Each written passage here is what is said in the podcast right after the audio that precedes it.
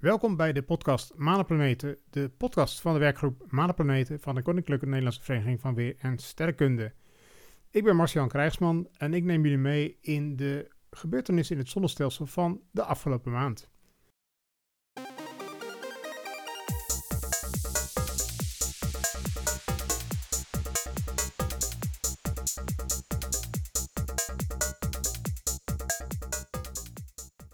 Dit is aflevering 0 van onze podcast. Het is de try-out. Ik probeer nog een beetje mijn weg te vinden. Maar hopelijk wordt deze gevolgd door nog veel meer afleveringen. In dit, uh, deze podcast vertel ik je over de recente ontwikkelingen in het zonnestelsel. Zoals ik dat ook doe bij mijn presentaties, bij onze bijeenkomsten van de, onze werkgroep. Ja, en daarbij begin ik dus ook aan de binnenkant van het zonnestelsel en werk mijn weg zo'n beetje naar buiten. En nou, voor Mercurius en Venus heb ik niet zoveel nieuws. Dus we gaan door naar de aarde. Of meer specifiek, we gaan naar de maan die rond de aarde draait. En daar zien we best wel wat activiteit. Er zijn meerdere missies de afgelopen tijd naar de maan gestuurd. Waaronder de Japanse Slim maanlander, die op 6 eh, september gelanceerd werd. En die begin oktober in een baan rond de maan is gekomen. Nou, deze moet dus op een zeker moment gaan landen op de maan. Ik heb geen exacte landings datum kunnen vinden. Maar eh, je moet denken ergens aan begin januari. Want dit soort missies doen er over het algemeen rond de vier maanden over om in een baan te komen waarvanuit ze een landing kunnen doen. Dat, uh, deze, dit soort missies gaan tegenwoordig op een heel energiezuinige, eh, brandstofzuinige trajecten naar de maan. Dus, en het duurt bijna altijd vier maanden voordat ze landen. Dat zal niet bij landers met astronauten zijn trouwens. Die, die gaan natuurlijk niet vier maanden rond de maan cirkelen. Maar bij, uh, robotische landers is dat tegenwoordig vrij normaal.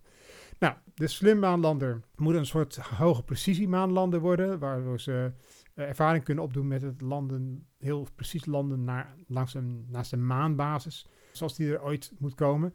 Dus dat is een uh, experiment wat Japan uitvoert. Ja, een andere maanlander die ook dat traject heeft gevolgd, maar die dus al in eind augustus neerkwam, is de Indiase Chandrayaan 3-lander.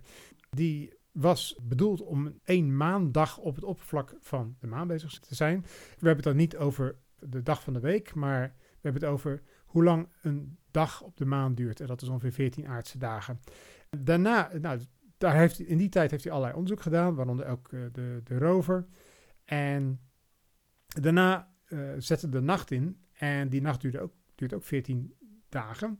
En die is intens koud. En daar was de lander niet op voorbereid. Uh, daar was hij ook niet op ontworpen om dat te overleven.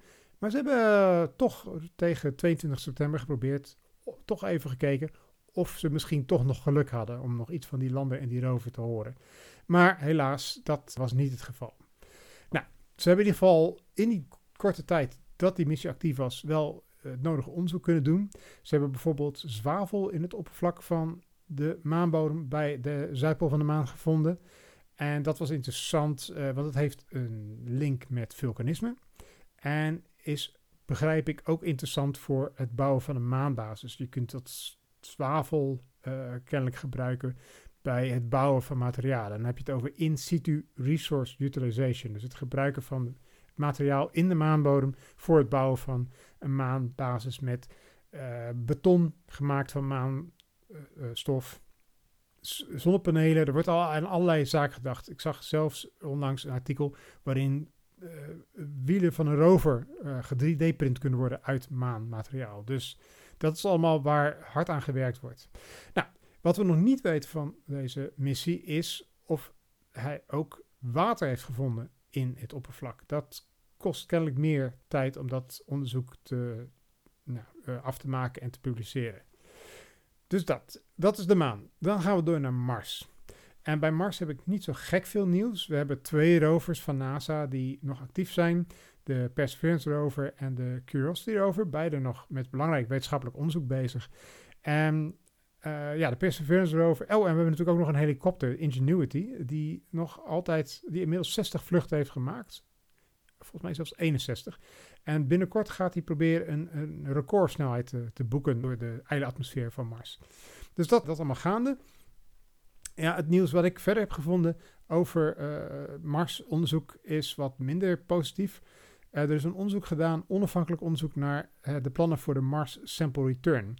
wat is Mars Sample Return? Het is een plan om monsters van Mars naar aarde te brengen. Uh, die monsters worden op dit moment, as we speak, verzameld door de Perseverance rover. Die verzamelt ze in buisjes en laat ze deels achter op het oppervlak. En deels neemt hij met zich mee. En de bedoeling is dat in 2027 à 2028 een lander gelanceerd wordt door NASA. Met daarop een raket. Die lander moet gaan terechtkomen in de buurt van waar Perseverance rover zich ophoudt.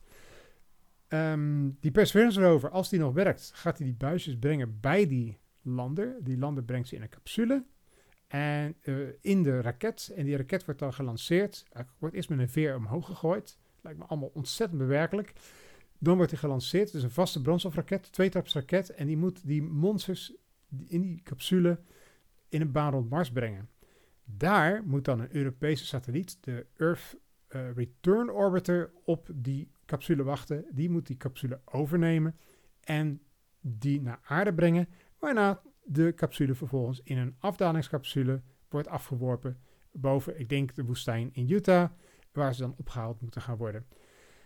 Als dat lukt, dan zal dat een enorme versnelling opleveren voor het onderzoek naar Mars. Naar de geschiedenis van Mars, of er eventueel leven is geweest. We gaan echt zoveel leren daarvan. Maar, ja, je hoort al, dit is een ontzettend complexe missie. Er zit trouwens nog, was nog één component vergeten. Er gaan ook nog twee kleine Ingenuity-achtige helikopters mee met deze lander. Voor het geval dat Perseverance rover, de Perseverance rover niet meer blijkt te werken, dan kunnen die helikopters met kleine uh, grijpers die buisjes van het oppervlak oppikken en die naar de landen brengen. Nou, dit, uh, dus een onafhankelijke commissie heeft gekeken van, ja, gaat, dat gaat het een beetje lukken en hoe zit het met budget? En ze hebben gezegd, nou, het is bijna onmogelijk dat jullie die lanceerdatum van 2027 à 2028 gaan halen, zoals jullie nu denken. Dat, dat ga je nu al niet halen. Nou, als dat, zij dat zeggen, dan, nou, dan kunnen we daar maar beter in geloven. Uh, en ook qua budget lopen jullie gewoon uit. Uh, we hebben het over uh, een beoogd budget van 7 à 8 miljard dollar. Het is een ontzettend duur project, maar dat, ja, het is ook ontzettend complex. Uh, deze onafhankelijke commissie zegt, nou maak daar maar 8 à 11 miljard van. Dus dat ook nog eens. Dus dat is allemaal niet zo mooi nieuws. Uh, vooral ook omdat NASA uh, het planetaire budget, het, het, budget voor planetaire wetenschap van NASA ook al aan het krimpen is. dus ja, hopelijk kan er nog wat aan gedaan worden. Wat misschien nog kan helpen zijn eigenlijk twee dingen. Aan de ene kant, China is ook bezig met een Mars Sample Return project. En nu al is begroot dat zij eerder op aarde hun monsters zullen hebben dan NASA en ESA. Het is wel zo dat zij niet een rover op dit moment hebben die al heel mooi al die buisjes aan het verzamelen is van heel veel diverse uh, monsternamen plaatsen. Uh, daar zal de missie van NASA en ESA echt wel beter in zijn. Maar uh, ja, uh, het zou zomaar kunnen dat China de scoop heeft straks van nou, dat er misschien ooit leven is geweest op Mars dat soort zaken. Uh, dus dat een beetje die competitie zou kunnen helpen. Een andere kant is ook dat er een organisatie is, de Planetary Society, die ook het nodige lobbywerk doet. Dat is een van de weinige lobbyisten die goed werk doen, zou ik bijna zeggen. die proberen iets te verbeteren, namelijk meer wetenschappelijk onderzoek naar het zonnestelsel. En daar zijn ze best succesvol in, omdat dit eigenlijk, uh, of je nou republikein of democraat bent, de meeste senatoren en congreslui, die zijn daar best wel gevoelig voor, omdat het nou eens een keer een positief verhaal is wat ze krijgen te horen. Dus hopen dat die ook hun werk kunnen doen. Ik ben lid van de Planetary Society, uh, dus ik hoop dat dat gaat helpen op de een of andere manier. Nou, dan verlaten we Mars, gaan we door naar de asteroïdengordel. En daar vinden we een satelliet van NASA genaamd Lucy, die op weg is naar de Trojaanse asteroïden die in, een, in de baan ter hoogte van Jupiter zich bevinden. Maar het duurt nog even voordat hij daar is. Maar onderweg komt de Lucy-missie langs een kleine asteroïde genaamd Dinkinesh. En dat zal op 1 november gebeuren. En die zal op een, uh, de Lucy-missie zal op 425 kilometer afstand langs die asteroïde komen. En ze gebruiken die asteroïde om alvast de instrumenten te testen, om te checken dat ze helemaal klaar zijn voor de latere flybys langs die Trojaanse asteroïden. Maar het grote asteroïdennieuws was toch wel de terugkomst van monsters van de asteroïde Bennu door OSIRIS-REx, een NASA-missie ook.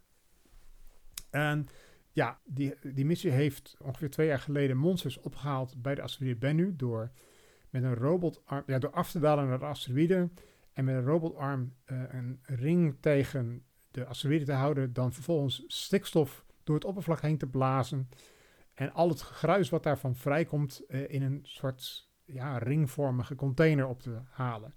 Die ringvormige container is vervolgens in een, capsule, is in een gebracht.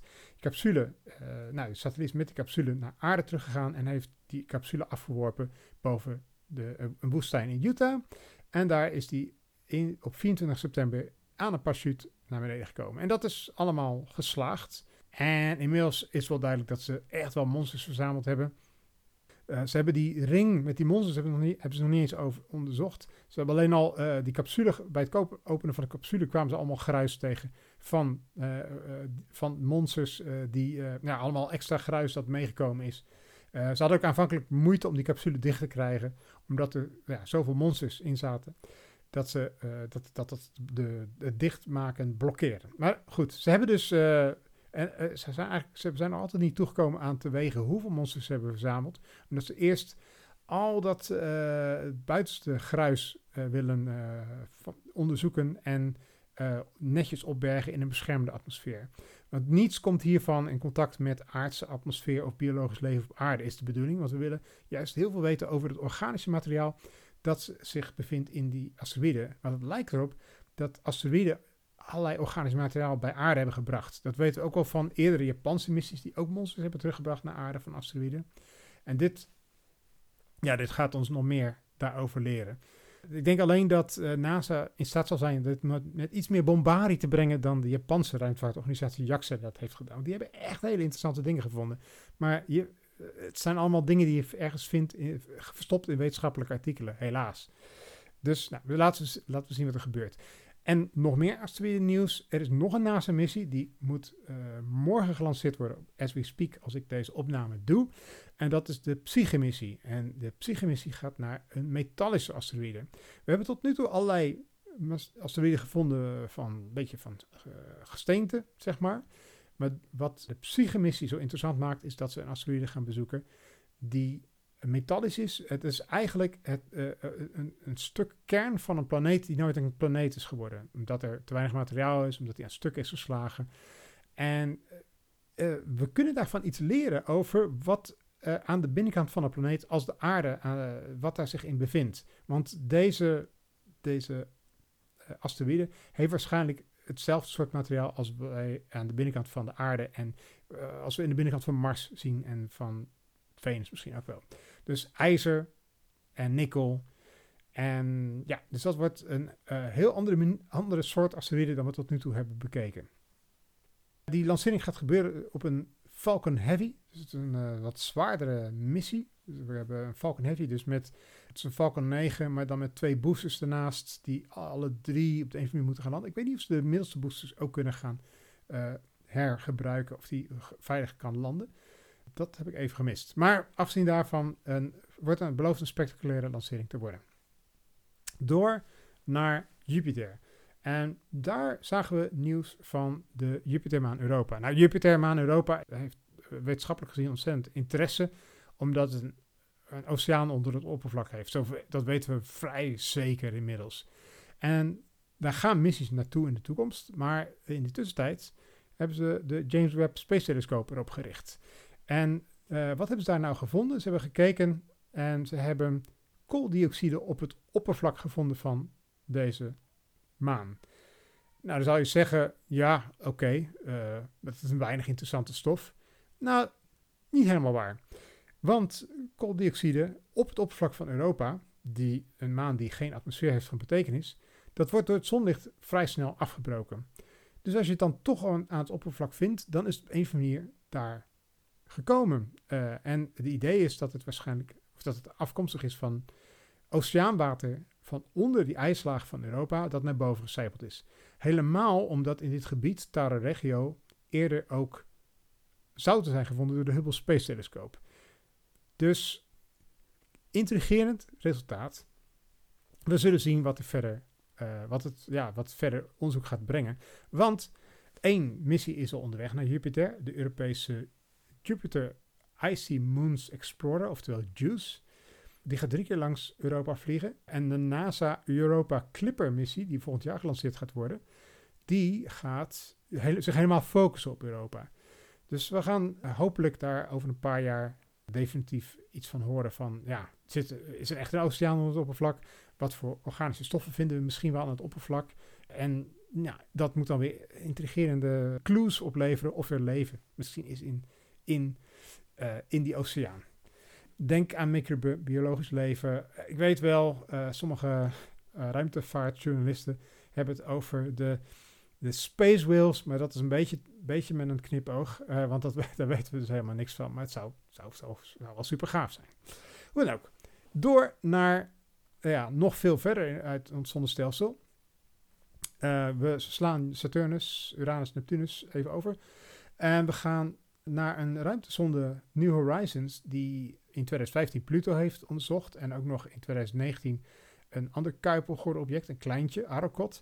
En nu is die ja, verder op weg. Uh, maar het probleem met deze missie was dat NASA eigenlijk had besloten het budget hiervan flink in te krimpen.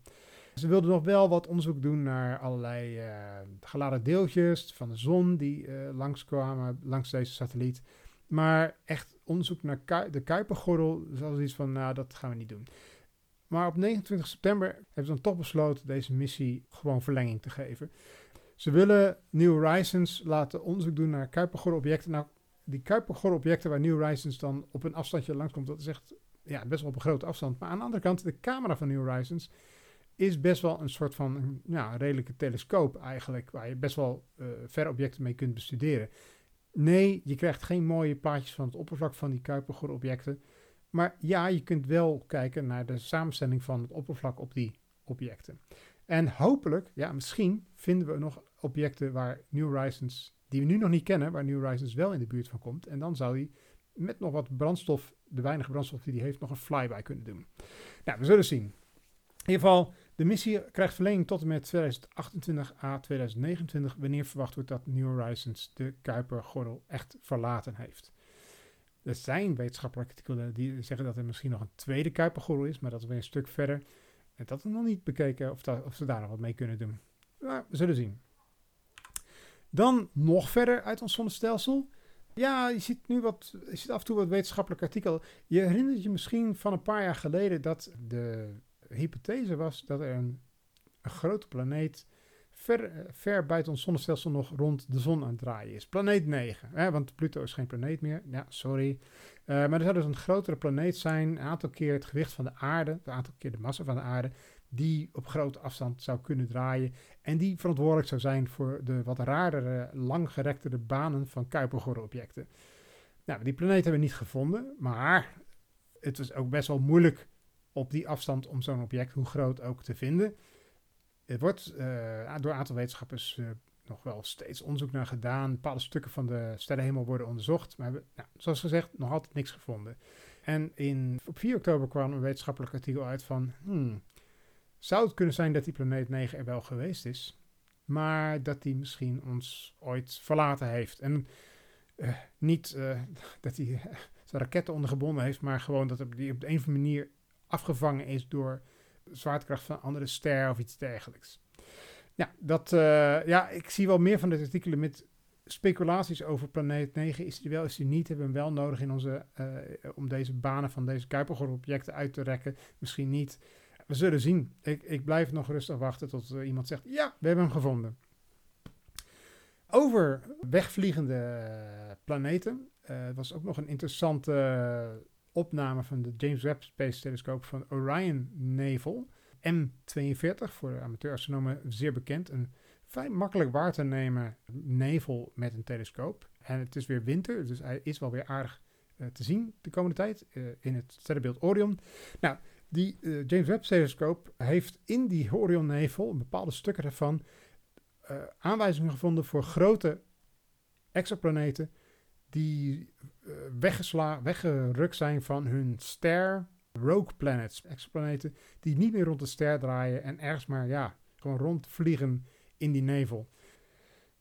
Uh, dus het gebeurt. Uh, dat, die, die, we, hebben, we, zijn, we hebben natuurlijk in de afgelopen jaren steeds meer exoplaneten rond sterren gevonden, maar die rogue Rogue Planets, daar vinden we ook steeds meer van. Maar die zijn natuurlijk veel lastiger te vinden. Want ja, je hebt geen sterlicht wat reflecteert. Maar daar hebben we weer andere manieren van, om die te vinden. Hoe dan ook. Ja, uh, dat is... Uh, dat is een intelligent onderzoek. En sowieso, de, je moet zeker een keer kijken naar de plaatjes van de James Webb Space Telescope van die nevel. Want het is best wel, ja, is ook wel weer ontzettend spectaculair. Maar dat zijn we inmiddels wel gewend van de James Webb Space Telescope. Ja, en dan nog even een, een nieuwtje dichter bij huis. Het IJs-IJzinga Planetarium in Franeker is op 19 september op de Werelderfgoedlijst gezet. Als je er nooit bent geweest, ja, het IJs-IJzinga Planetarium is een planetarium gebouwd door, nou, je, verwacht het niet, maar door een meneer genaamd IJs IJzinga in de 18e eeuw. En uh, dat heeft hij in zijn huiskamer gemaakt. Een schitterend planetarium waarin alle toen bekende planeten zijn gemaakt die ronddraaien rond de zon. Ja, het, het, het grappige is wel dat kort nadat hij dat af had, werd Uranus ontdekt. En dat paste niet meer in zijn, in zijn huiskamer. Maar ja, schitterend uh, museum, absoluut de moeite waard. En heel terecht dat hij op de werelderfgoedlijst is gezet. Uh, want het is echt een, ja, een prachtig uh, ding, wat helemaal nog werkt. En waar je mooie rondleidingen kunt krijgen. Dus zeker ga een keer kijken.